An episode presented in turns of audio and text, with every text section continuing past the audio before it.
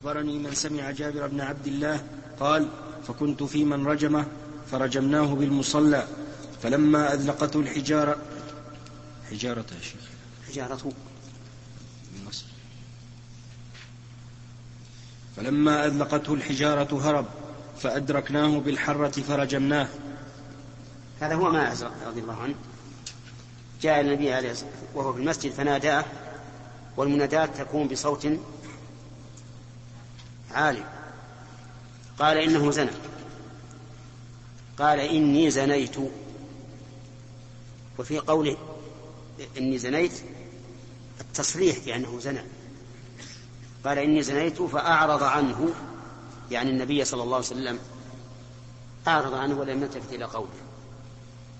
ثم جاءه من الجانب الآخر. لما أعرض إلى الجانب هذا جاءه من الجانب الآخر. وقال إنه إني زنيت. فأعرض عنه فجاءه من الجانب الآخر. قال إني زنيت. فلما شهد على نفسه أربع مرات قال له أبك جنون؟ قال لا. وفي أحاديث أخرى في نفس الحديث أنه أمر رجلا أن يستنكهه يعني يشم رائحته رائحة فمه لعله سكران. والسكران لا يؤخذ بقوله فإذا الرجل لم يسكر وليس به جنون ف... فقال هل أحصنت؟ قال نعم وعرفتم الإحصان هنا. فأمر به فقال اذهبوا به فارجموه اذهبوا به فارجموه. فذهبوا به فرجموه فلما أذلقته الحجارة يعني أصابته وأوجعته هرب. ولكن الصحابة أرادوا أن ينفذوا قول الرسول عليه الصلاة والسلام. ارجموه. لما هرب لحقوه. حتى أدركوه عند الحرة ورجموه. فلما جاءوا إلى النبي عليه الصلاة والسلام وأخبروه قال هل لا تركتموه يتوب؟ فيتوب الله عليه. شوف كيف. الرأفة لأن لماذا؟ لأن الرجل جاء من عند نفسه فإذا هرب يريد خلاص نفسه ويتوب إلى ربه عز وجل.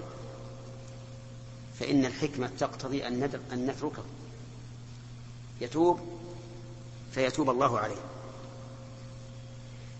هذا الحديث فيه فوائد. من فوائد هذا الحديث أنه يجوز للرجل أن يقر على نفسه بما يوجب الحد لأن النبي صلى الله عليه وسلم أقر هذا الرجل ولا يقر على منكر. ولكن هل الأفضل أن يقر على نفسه أو الأفضل أن يستر على نفسه؟ نعم. الأفضل أن يستر لا شك. لكن إذا أقر فقد أخذ بالرخصة. يعني ليس حراما عليه لكن الأفضل أن يستر. وربما يشير إلى هذا قول النبي عليه الصلاة والسلام هل لا تركتموه يتوب؟ فيتوب الله عليه. ومن فوائد هذا الحديث صراحة الصحابة رضي الله عنهم حيث جاء هذا يكلم النبي عليه الصلاة والسلام بصوت عال وفي المسجد والناس حاضرون لأنه زنى.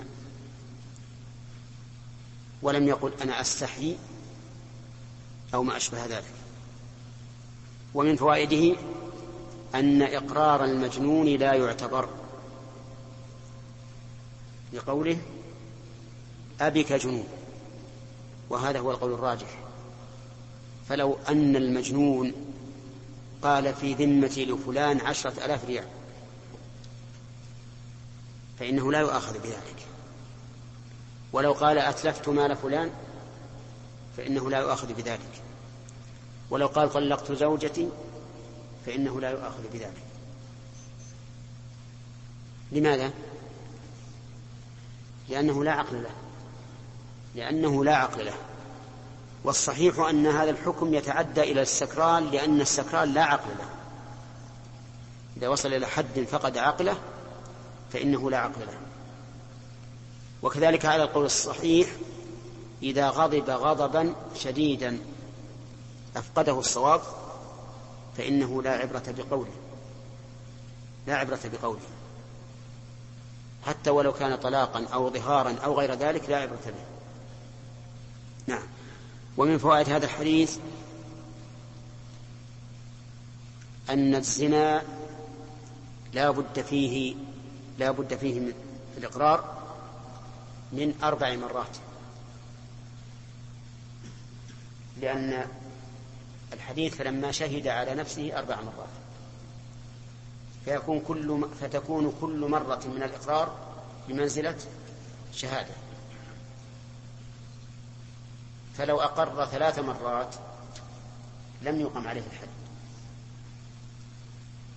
حتى حتى يقر أربع مرات. ولو أقر خمس مرات. ها؟ من باب أولى. وهذه المسألة فيها خلاف بين العلماء وذلك لأن الأحاديث فيها مختلفة. فإن الرسول عليه الصلاة والسلام رجم الغامدية بدون تكرار ورجم امرأة الرجل الذي استأجر أجيرا فزنى بامرأته زنى بامرأة من من استأجره. ولما زنى بها قال له الناس قالوا لأبي الأجير, لأبي الأجير إن ابنك عليه الرجم. إن ابنك عليه الرجم. فاشترى ابنه بمئة شاة ووليدة. وليدة يعني جارية مملوكة ثم أخبر أخبره أهل العلم بأن ابنه ليس عليه ذلك ليس عليه الرجل إنما عليه الجلد مئة جلدة ويأتي بعد. بعد الأذان إن شاء الله تكمل الحديث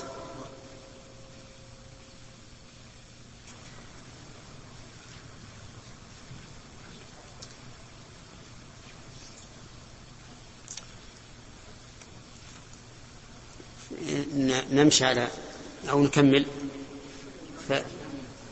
نعم. نكمل الحديث؟ طيب. أخبره أهل العلم بأن ابنه ليس عليه إلا جلد مئة وتغريب عام. فجاء إلى النبي صلى الله عليه وسلم فأخبره. فقال له النبي صلى الله عليه وسلم الغنم والوليدة رد عليك وعلى ابنك جلد مائة وتغريب عام واغد يا أنيس لرجل من أسلم إلى امرأة هذا فإن اعترفت فارجمها. قال فإن اعترفت ولم يقل إن اعترفت أربع مرات مع أن المقام يقتضي هذا. المقام خطير. لو كان لابد من أربع مرات لقال فإن اعترفت أربع مرات فارجمها. وهذا القول هو الصحيح. أنه لا يشترط تكرار الإقرار في الزنا. بل إذا أقر مرة واحدة فقد شهد على نفسه. وإنما شرط الله عز وجل في الشهادة أربعة لئلا تنتهك أعراض الناس. فيأتي واحد يشهد يقول فلان زنى. فكان لا بد من أربعة. أما الإنسان نفسه ما لا, لا أحد من الناس يقر على نفسه وهو كاذب أبدا. ثم إن قضية ماعز إذا تأملها الإنسان وجد أن الرسول عليه الصلاة والسلام قد استراب في أمره. بدليل قوله إيش؟ أبك جنون. وأنه أمر من يستنكه يشم رائحته. فالصحيح أنه أن الإقرار مرة واحدة كاف. ويأتي إن شاء الله بقية الكلام على فوائد الحديث.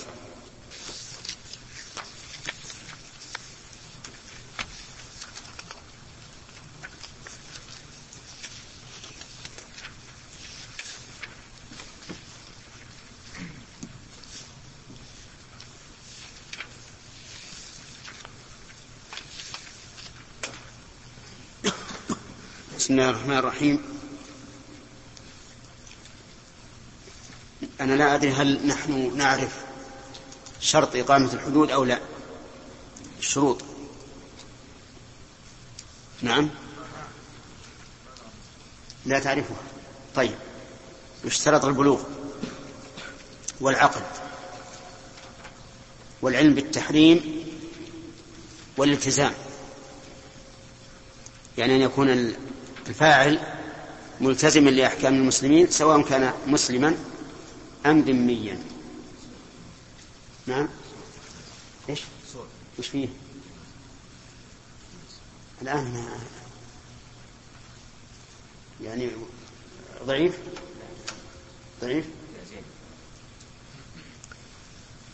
فلا, فلا حد إلا على بالغ عاقل عالم بالتحريم ملتزم. أربعة شروط. الصغير ليس عليه حد والمجنون ليس عليه حد وغير الملتزم ليس عليه حد. كالكافر الحربي مثلا. والجاهل بالتحريم ليس عليه حد. ولكن لا يقبل أو لا تقبل دعوى الجهل بالتحريم في ذنب علم أنه حرام ممن عاش بين المسلمين. فلو, فلو ادعى رجل عاش بين المسلمين أنه جاهل تحريم الزنا فإنه لا يقبل منه. لكن لو كان حديث عهد بإسلام قبلنا منه. ذكرنا هذا لأن بعض الناس اشتبه عليه فيما لو زنى لو زنى شخص بالغ يعني عاقل محصن بصغيرة. لو زنى بصغيرة. هل يرجم أو لا يرجم؟ ما الجواب؟ نعم. لا يرجم. يرجم. يرجم وهي لا لا, لا يقام عليها الحد. لماذا؟ لأنها لم تبلغ. طيب زنى رجل ثيب يعني قد تزوج بامرأة بكر بالغة. يرجم وهي لا ترجم تجلد وهي تجلد. تمام؟ والشروط اللي ذكرنا لكم أنه لا بد أن يكون أن يكون بالغين عاقلين حرين هذا بالنسبة للمحصن. لا يكون محصنا حتى يتزوج امرأة. وهما بالغان عاقلان حران. فهذه الأوصاف ليست للزانيين بل هي للزوجين. حتى يكون الإنسان محصنا. فالمحصن من جامع زوجته في نكاح صحيح وهما بالغان عاقلان حران. هنا. ما قرأ هذا كله تعليق. بسم الله الرحمن الرحيم. الحمد لله رب العالمين وصلى الله وسلم على نبينا محمد وعلى آله وصحبه. قال البخاري رحمه الله تعالى باب للعاهر الحجر. حدثنا أبو الوليد قال حدثنا الليث عن ابن شهاب عن عروة عن عائشة رضي الله عنها أنها قالت اختصم سعد وابن زمع فقال النبي صلى الله عليه وسلم هو لك يا عبد يا عبد بن زمع. الولد للفراش واحتجبي منه يا سودة زاد لنا قتيبة عن الليث وللعاهر الحجر. حدثنا آدم قال حدثنا شعبة قال حدثنا محمد بن زياد قال سمعت أبا هريرة قال النبي صلى الله عليه وسلم الولد للفراش وللعاهر الحجر. العاهر هو الزاني وقوله الحجر فيه قولان لأهل العلم. القول الأول أن المراد بالحجر حجر الرجم. وإلى هذا يميل البخاري لأنه وضع هذا الباب في باب رجم الزاني. يعني في في بحوث رجم الزاني. والقول الثاني أن المراد بالحجر أي الحجر أن المراد بالحجر الحجر الذي يلقم فيه يلقم فاه. لأن العاهر يدعي الولد. فيلقم فمه حجرا. وهذا هو الصحيح. لأن المعنى لأن القول الأول للعاهر الحجر لا لا يصح بالنسبة فيما إذا كان العاهر ها بكرا. في الصواب خلاف ما جنح إليه البخاري رحمه الله. أن المراد بالحجر الحجر الذي يلقم في فمه. ردا لدعواه. نعم. باب الرجم في البلاط. الآن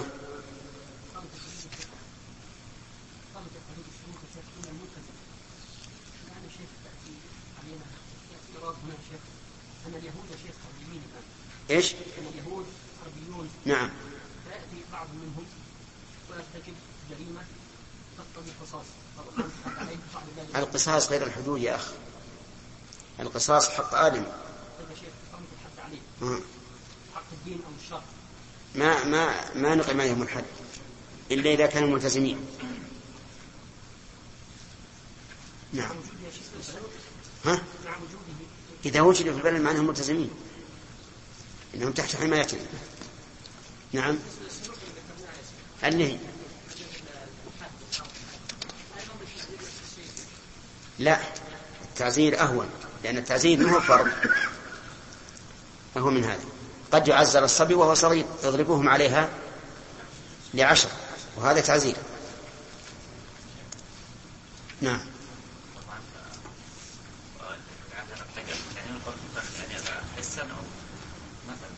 لا هذا معروف. عند الحجر أنا لا, لا نقبل دعوات دائما دائما يقول فيه فيه الحجر. نعم. باب الرجم في البلاط. حدثنا محمد بن عثمان بن كرامة قال حدثنا خالد بن مخلد عن سليمان قال حدثني عبد الله بن دينار عن ابن عمر رضي الله عنهما قال أتى رسول الله صلى الله عليه أتي رسول الله صلى الله عليه وسلم بيهودي ويهودية قد أحدثا جميعا فقال لهم ما تجدون في كتابكم؟ قالوا إن أحبارنا أحدثوا تحميم الوجه والتجبيه. قال عبد الله بن سلام ادعهم يا رسول الله بالتوراة فأتي بها فوضع أحدهم يده على آية الرجم وجعل يقرأ ما قبلها وما بعدها فقال لهم ابن سلام ارفع يدك فإذا آية الرجم تحت يده. فأمر بهما رسول الله صلى الله عليه وسلم فرجما. قال ابن عمر فرجما عند البلاط فرأيت اليهودي أجنأ عليها. قول المؤلف باب الرجم في البلاط. البلاط معروف هو الذي تفرش به الأرض من الحجر المشوي وإلى الآن يسمى بلاطا عندنا. والرجم في البلاط بعضهم قال المراد بذلك أنه يرجم بحصى البلاط وهذا غير صحيح لأنه قال الرجم في البلاط في للظرفية وليست للتعدية. ثم إن حديث ابن عمر هذا قال رجم عند البلاط. وهو صريح لأن المراد بالبلاط الحجر الذي تكسى به الأرض تفرش به الأرض. وهو إشارة إلى أن المرجوم لا يحفر له لأن العادة أن البلاط لا يحفر فيه. وفي هذا الحديث دليل على رد أهل الكتاب إلى كتابهم تحديا لهم. لا حكما. لأن النبي عليه الصلاة والسلام قال ما تجدون في كتابكم. وفيه دليل ما ما على ما عليه اليهود من كتمان الحق ولبسه بالباطل حيث وضع هذا الرجل يده على آية الرجم. وفيه دليل على أنه ينبغي لنا أن يكون عندنا نحن المسلمين من يعرف مكائد الأعداء. حتى نكون على بينة من الأمر بمعنى أنه يعرف يدرس, يدرس دينهم يدرس أحوالهم الاجتماعية يدرس أحوالهم السياسية حتى نكون على بينة من الأمر. وأما أن نكون قابعين في بلادنا ولا نعرف عن الناس شيئا فهنا قد نخدع. وانظر إلى بركة عبد الله بن سلام رضي الله عنه حيث عرف الأمر وقال للرجل ارفع يدك. وفيه دليل على أن هذا الزاني والعياذ بالله يقدم المزني بها على نفسه. ولهذا فداها بنفسه. كان يجنو عليها يعني ينحني عليها لئلا يصيبها الحصى.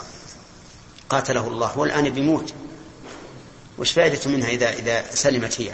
مع أنها لم تسلم. الرجم لهما جميعا. وفي هذا دليل على أن أهل الكتاب تقام عليهم الحدود فيما يعتقدون تحريمه. أما ما يعتقدون حلة فلا تقام عليهم الحدود لكنهم يمنعون منه من إظهاره كالخمر مثلا. فإذا علمنا أن هذا البيت يأتي إليه أهل الذمة يشربون الخمر فإنه لا يحل لنا أن نهجم عليهم أو أن نعاتبهم. لأنهم يعتقدون إيش؟ حلة. نعم إن أظهروه في السوق أو في المحلات العامة فهنا يمنعون. وأما إذا كانوا في بيوتهم مستترين فلا يحل لنا أن أن نعارضهم في ذلك لأن هذا من مقتضى دينهم وبيننا وبينهم عهد. نعم. أحمد.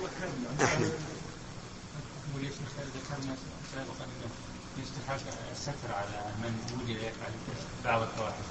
كذلك إذا كان إذا كان فيه عدوان على المسلمين فلا. فالأولى أن لا, ننصر عليه. مثل لو كان هذا الكافر يزني بامرأة مسلمة. ها؟ إي نعم. هذه ينظر للمصلحة. قد يكون المصلحة في في رفعهما. نعم.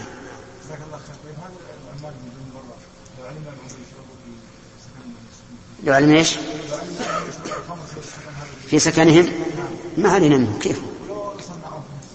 ها؟ إيه لا تصنيعه ما يجوز ترويجه بيعه على الناس تصنيعه هذا يمنعون منه هل يؤخذ من هذا ذم تتبع تتبع الرخص من الحديث ها؟ اليهود كان عندهم الرجل ولما كثر الزنا في أشرافهم قالوا كيف نرجم أشرافنا؟ معناه أننا نفني الأشراف. وهذا لا شك أنه خطأ في التفكير. لأنهم لو رجموا شريفا واحدا امتنع. امتنع الناس. لكن الشيطان يقول للناس إن أقمتم الحدود أتلفتم الناس. كما يقول الآن الذين يستغربون. يقول إذا قطعنا يد السارق أصبح نصف الشعب أشل. نقول إذا قطعنا يد السارق امتنع كل الشعب عن السرقة. صح؟ ولكم في القصاص حياة. نعم. المهم أنه لما كثر الزنا في أشرافهم قالوا لا يمكن نرجع. إذا نعمل التجبية وتحميم الوجه. تحميم الوجه تسويده. مأخوذ من الحممة وهي الفحمة. يسودون الوجه. التجبية يركبونهم على حمار. الزانية والزاني ويجعلون ظهر كل واحد للآخر. ويطوفون بهم في الأسواق. نعم. ولا شك أنه يخشى تلك الساعة وبعدين يذهب عنه الحياء والخجل. فهم جاءوا إلى النبي عليه الصلاة والسلام لأنهم عرفوا أنهم مذنبون في هذا العمل حيث لا, يقيم لا يقيمون حدود الله. فقالوا اذهبوا إلى هذا النبي لعلكم تجدون رخصة. فلما أتوا إلى النبي عليه الصلاة والسلام حصل ما سمعت فهذا دليل على أن تتبع الرخص من شيم من من شيم اليهود. هم الذين يطلبون الترخيص في الأحكام الشرعية ولهذا قال العلماء من تتبع الرخص فسق. صار فاسقا لأنه تعبد لله بهواه. فإن المتعبد لله بشرع الله يقبل ما قيل إنه شرع سواء وافق هواه أم لم أم لم يوافقه. آدم.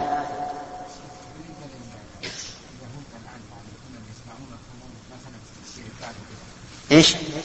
معناه في بعض المؤسسات يعني منهم اليهود ويصنعون امور في هذا. مثلا قل النصارى النصارى. إيه. ما, منعناها خلينا كذا في بعض المسلمين دعاء يعني يمشي يطلبون لا إذا كان مع المسلمين يمنع. إذا كانوا في سكن واحد يمنع.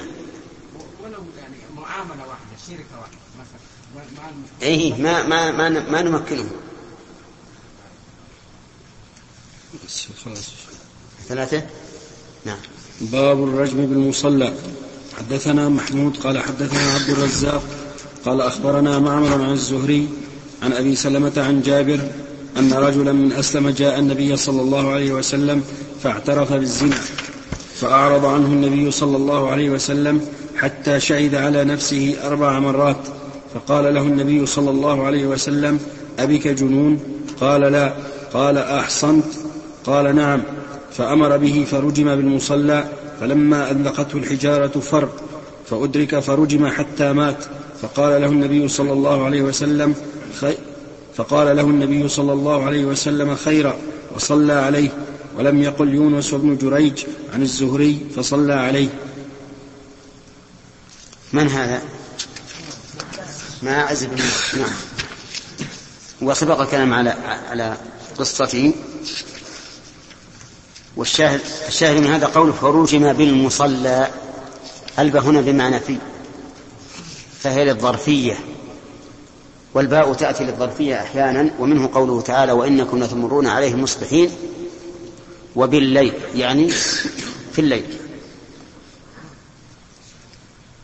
والمراد بقوله في المصلى أي قريبا منه وليس في نفس المصلى لأن المصلى مسجد ولهذا منع النبي عليه الصلاة والسلام من دخول الحائض له. إلا إذا أراد بالمصلى مصلى الجنائز.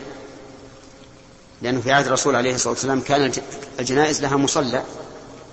يندر أن يصلوا على الميت بالمسجد فإن يريد بالمصلى هنا مصلى الجنائز فلا إشكال في المسألة. وإن أريد بالمصلى مصلى العيد فإنه يجب تأويله إلى أن المراد بالمصلى أي ها أي قرب المصلى.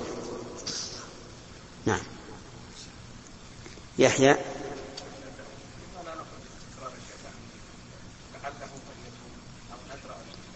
كيف؟ إذا كرر إذا كرر أربع أربع مرات ما ما وراء هذا شيء.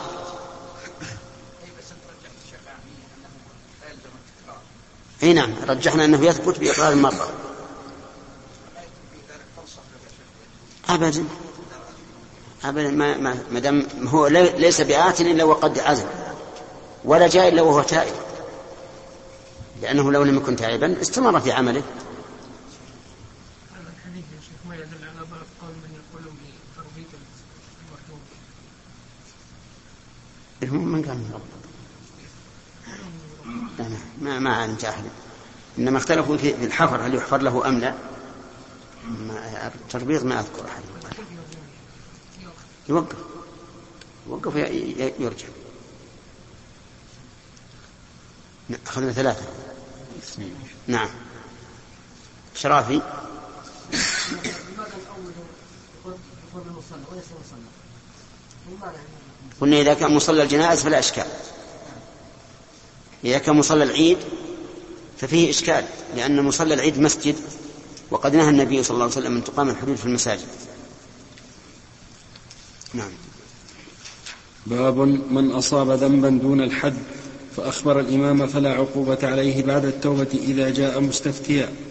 قال عطاء لم يعاقبه النبي صلى الله عليه وسلم. وقال ابن جريج ولم يعاقب الذي جامع في رمضان ولم يعاقب عمر صاحب الظبي وفيه عن أبي عثمان عن ابن مسعود عن النبي صلى الله عليه وسلم. من أصاب ذنبا دون الحد فأخبر الإمام بعد بعد التوبة إذا جاء مستفتيا فإنه لا يوبخ. لا يوبخ بل إذا احتاج إلى معونة أعين. لأنه جاء تائبا نادما فلو وبخناه أو عزرناه لكان في ذلك تنفير عن مثل هذا الأمر. نعم. حدثنا قتيبة ما جاء الحديث. قال حدثنا الليث عن ابن الشهاب عن حميد بن عبد الرحمن عن أبي هريرة رضي الله عنه أن رجلا وقع بامرأته في رمضان فاستفتى رسول الله صلى الله عليه وسلم فقال هل تجد رقبة؟ قال لا. قال هل تستطيع صيام شهرين؟ قال لا. قال فأطعم ستين مسكينا. وقال الليث عن عمرو بن الحارث عن عبد الرحمن بن القاسم عن محمد بن جعفر بن الزبير عن عن عباد يا شيخ؟ نعم. عن عباد بن عبد الله بن الزبير عن عائشة قالت أتى رجل النبي صلى الله عليه وسلم في المسجد قال احترقت. قال مما ذاك؟ قال وقعت بامرأتي في رمضان. قال له تصدق. قال ما عندي شيء. فجلس وأتاه إنسان يسوق حمارا ومعه طعام. قال عبد الرحمن ما أدري ما هو. إلى النبي صلى الله عليه وسلم فقال أين المحترق؟ فقال ها أنا ذا. قال خذ هذا فتصدق به. قال على أحوج مني؟ ما لأهلي طعام؟ قال فكلوه.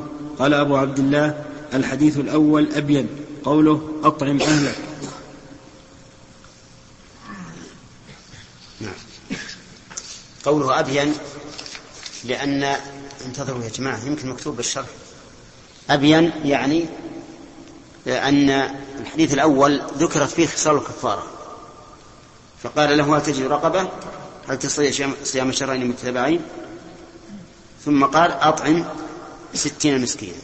أما هذا الحديث السياق فهنا قال تصدق فقط ولم يذكر الصيام ولم يذكر العتق.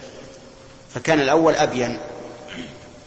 والشاهد من هذا السياق الأول والثاني أن الرسول صلى الله عليه وسلم لم يوبخه ولم يعاقبه وإنما أخبره بما يجب عليه لحق الله من من الكفارة واضح؟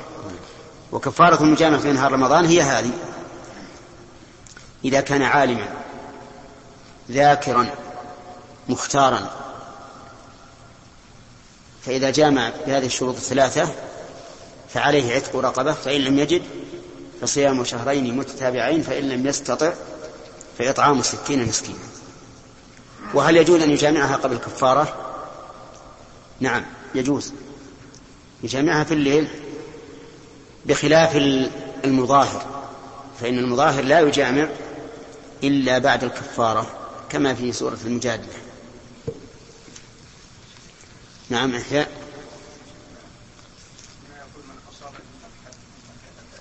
نعم.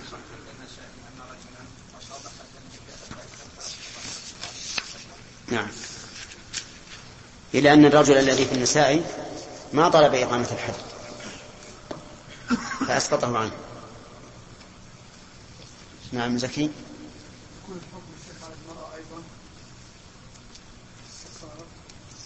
إذا كانت مطاوعة عالمة ذاكرة. مثل مثل الرجل نعم.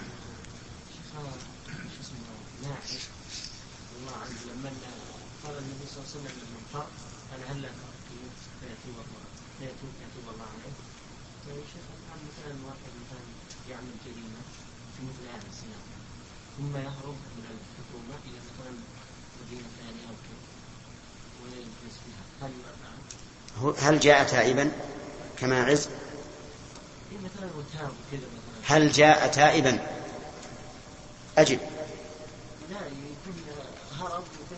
وأمسكوه. فرق بين هذا وهذا. فرق بين اللي يأتي نادما تائبا يطلب إقامة الحد وبين شخص متمرد على الحكومة وعلى ولاة الأمر يزني بهذا البلد ثم يهرب إلى البلد الآخر. هذا لا يحتاج اننا نقول توب فيتوب الله عليك ونحن نعرف إن الرجل مستمر. هنا كتبت لو جاء تائبا وعلمنا صدقه ما نقيم عليه الحد نعم.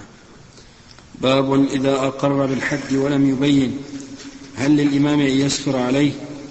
حدثنا عبد القدوس بن محمد قال حدثني عمرو بن عاصم الكلابي قال حدثنا همام بن يحيى قال حدثنا إسحاق بن عبد الله ابن أبي طلحة عن أنس بن مالك رضي الله عنه أنه قال كنت عند النبي صلى الله عليه وسلم فجاءه رجل فقال يا رسول الله إني أصبت حدا فأقمه علي. قال ولم يسأله عنه. قال وحضرت الصلاة. فصلى مع النبي صلى الله عليه وسلم. فلما قضى النبي صلى الله عليه وسلم الصلاة قام إليه الرجل فقال يا رسول الله إني أصبت حدا فأقم في كتاب الله. قال أليس قد صليت معنا؟ قال نعم. قال فإن الله قد غفر لك ذنبك أو قال حدك. نعم. لأن هذا لم يبين أما حديث ماعز فقد بين. قال إنه زنى. وهذا أصاب حدا ولم يستفسر الرسول عليه الصلاة والسلام منه. هل هو زنا وسرقة وغير ذلك؟ والرجل لم يعين. فإذا جاءنا رجل تائب وقال إني أصبت حدا ولم يبين فإننا لا نستفسر لا نقول معه بل نسر عليه وإذا عمل صالحا قلنا إن الحسنات يذهبن السيئات. نعم.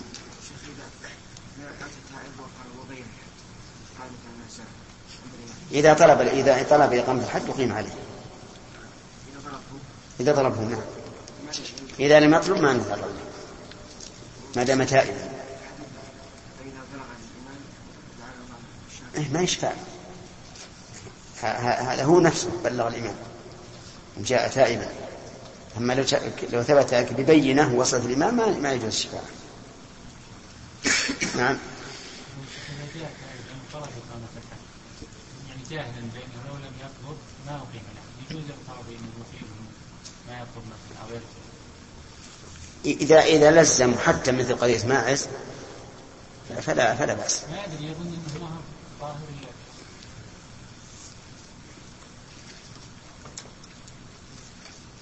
الرسول عليه الصلاة والسلام ما قال لماعز شيء. ما قال إن توبتك كفرت عنك. فالظاهر أن نتركه. نعم. لا بأس أن يقول أنك إذا أتيت تائبا عفى الله عنك. آدم. إيش؟ إذا جانا واحد زي زي ماعز هذا حديث ماعز معقول نسأل. لكل في أي امرأة تبنيت بها أو كذا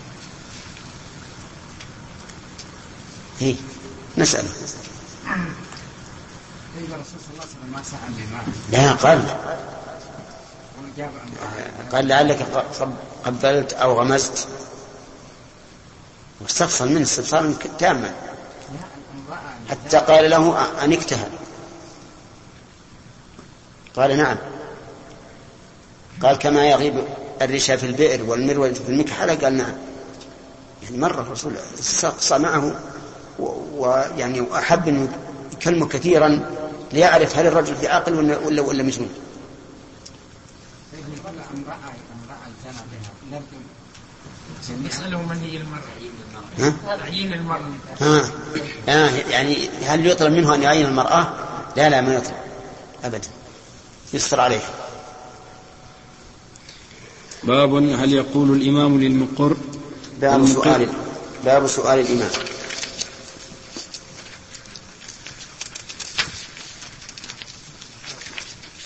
ها، أو اللي قبله الله. باب هل يقول. باب هل يقول الإمام للمقر لعلك لمست أو غمزت حدثني عبد الله بن محمد الجعفي قال حدثنا وهب بن جرير قال حدثنا أبي قال سمعت يعلى بن, حك... يعلى بن حكيم عن عكرمة عن ابن عباس رضي الله عنهما أنه قال لما أتي لما أتى ماعز بن مالك النبي صلى الله عليه وسلم قال له لعلك قبلت أو غمزت أو نظرت؟ قال لا يا رسول الله قال أنكتها لا يكني قال فعند ذلك أمر برجمه. نعم. واضح من رجم هل يصلي عليه الإمام؟ إيه يصلي عليه الإمام نعم. يصلي عليه. نعم. يجامع في رمضان يجوز له أن يجامع زوجته بالليل قبل أن تفطر إذا كان في وقت الجواز يجوز متعمدا في قبل الليل؟ لا في النهار لا ما يجوز شوف هذه مسألة يا هداية الله سبقت نفس الحديث. فقال فيه خيرا وصلى عليه. نعم في يعني بعض بعض الأحاديث جاء يعني ما صلى عليه. لعله اللي قتل نفسه. الذي قتل نفسه. الذي قتل نفسه.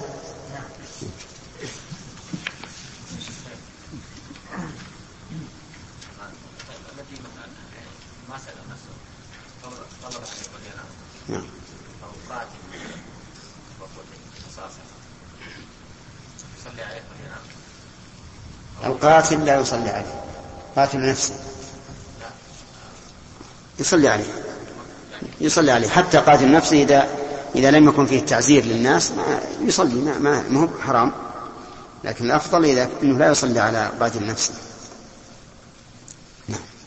باب سؤال الإمام المقر. هل أحصنت؟ حدثنا سعيد بن عفير قال حدثني الليث قال حدثني عبد الرحمن بن خالد عن ابن شهاب عن ابن المسيب وأبي سلمة أن أبا هريرة قال أتى رسول الله صلى الله عليه وسلم رجل من الناس وهو في المسجد فناداه يا رسول الله إني زنيت يريد نفسه. فأعرض عنه النبي صلى الله عليه وسلم فتنحى لشق وجهه الذي أعرض قبله فقال يا رسول الله إني زنيت. فأعرض عنه فجاء لشق وجه النبي صلى الله عليه وسلم الذي أعرض عنه فلما شهد على نفسه أربع شهادات دعاه النبي صلى الله عليه وسلم فقال أبك جنون؟ قال لا يا رسول الله. فقال أحصنت؟ قال نعم يا رسول الله. قال اذهبوا فارجموه. قال ابن الشهاب أخبرني من سمع جابرا أنه قال فكنت في من رجمه فرجمناه بالمصلى فلما أذلقته الحجارة جمز حتى أدركناه بالحرة فرجمناه. باب الاعتراف بالزنا. حدثنا علي بن عبد الله قال حدثنا سفيان قال حفظناه من في الزهري قال أخبرني عبيد الله أنه سمع أبا هريرة وزيد بن خالد قالا كنا عند النبي صلى الله عليه وسلم فقام رجل فقال أنشدك الله إلا ما قضيت بيننا بكتاب الله فقام خصمه وكان أفقه منه فقال اقض بيننا بكتاب الله وأذن لي قال قل قال إن ابني هذا كان عسيفا على هذا فزنى بامرأته فافتديت منه بمائة شاة وخادم. ثم سألت رجالا من أهل العلم فأخبروني أن على ابني جلد مئة وتغريب عام وعلى امرأته الرجم فقال النبي صلى الله عليه وسلم والذي نفسي بيده لأقضين بينكما بكتاب الله جل ذكره المئة شاة والخادم رد وعلى, ابن وعلى ابنك جلد مئة وتغريب عام. واغد يا أنيس على امرأة هذا فإن اعترفت فارجمها. فغدا عليها فاعترفت فرجمها. قلت لسفيان لم يقل فأخبروني أن على ابن الرجم. فقال أشك. قلت لسفيان. فقلت لسفيان لم يقل فأخبروني أن على ابني الرجم. فقال أخبروني لم يقل فأخبروني أن على ابني الرجم فقال أشك أشك أشك, أشك فيها من الزهري فربما قلتها ورب وربما سكت. عندي نسخة الشك فيها من الزهد لكن هذا لا يؤثر في الحكم القصة هذه أن رجلا كان أجيرا عند شخص. والرجل شاب لم يتزوج. فزنى بامرأته امرأة من؟ المستأجر. فقيل له إن على ابنك الرجم فافتدى منه بمئة شاة و- و- ووليدة. إخوة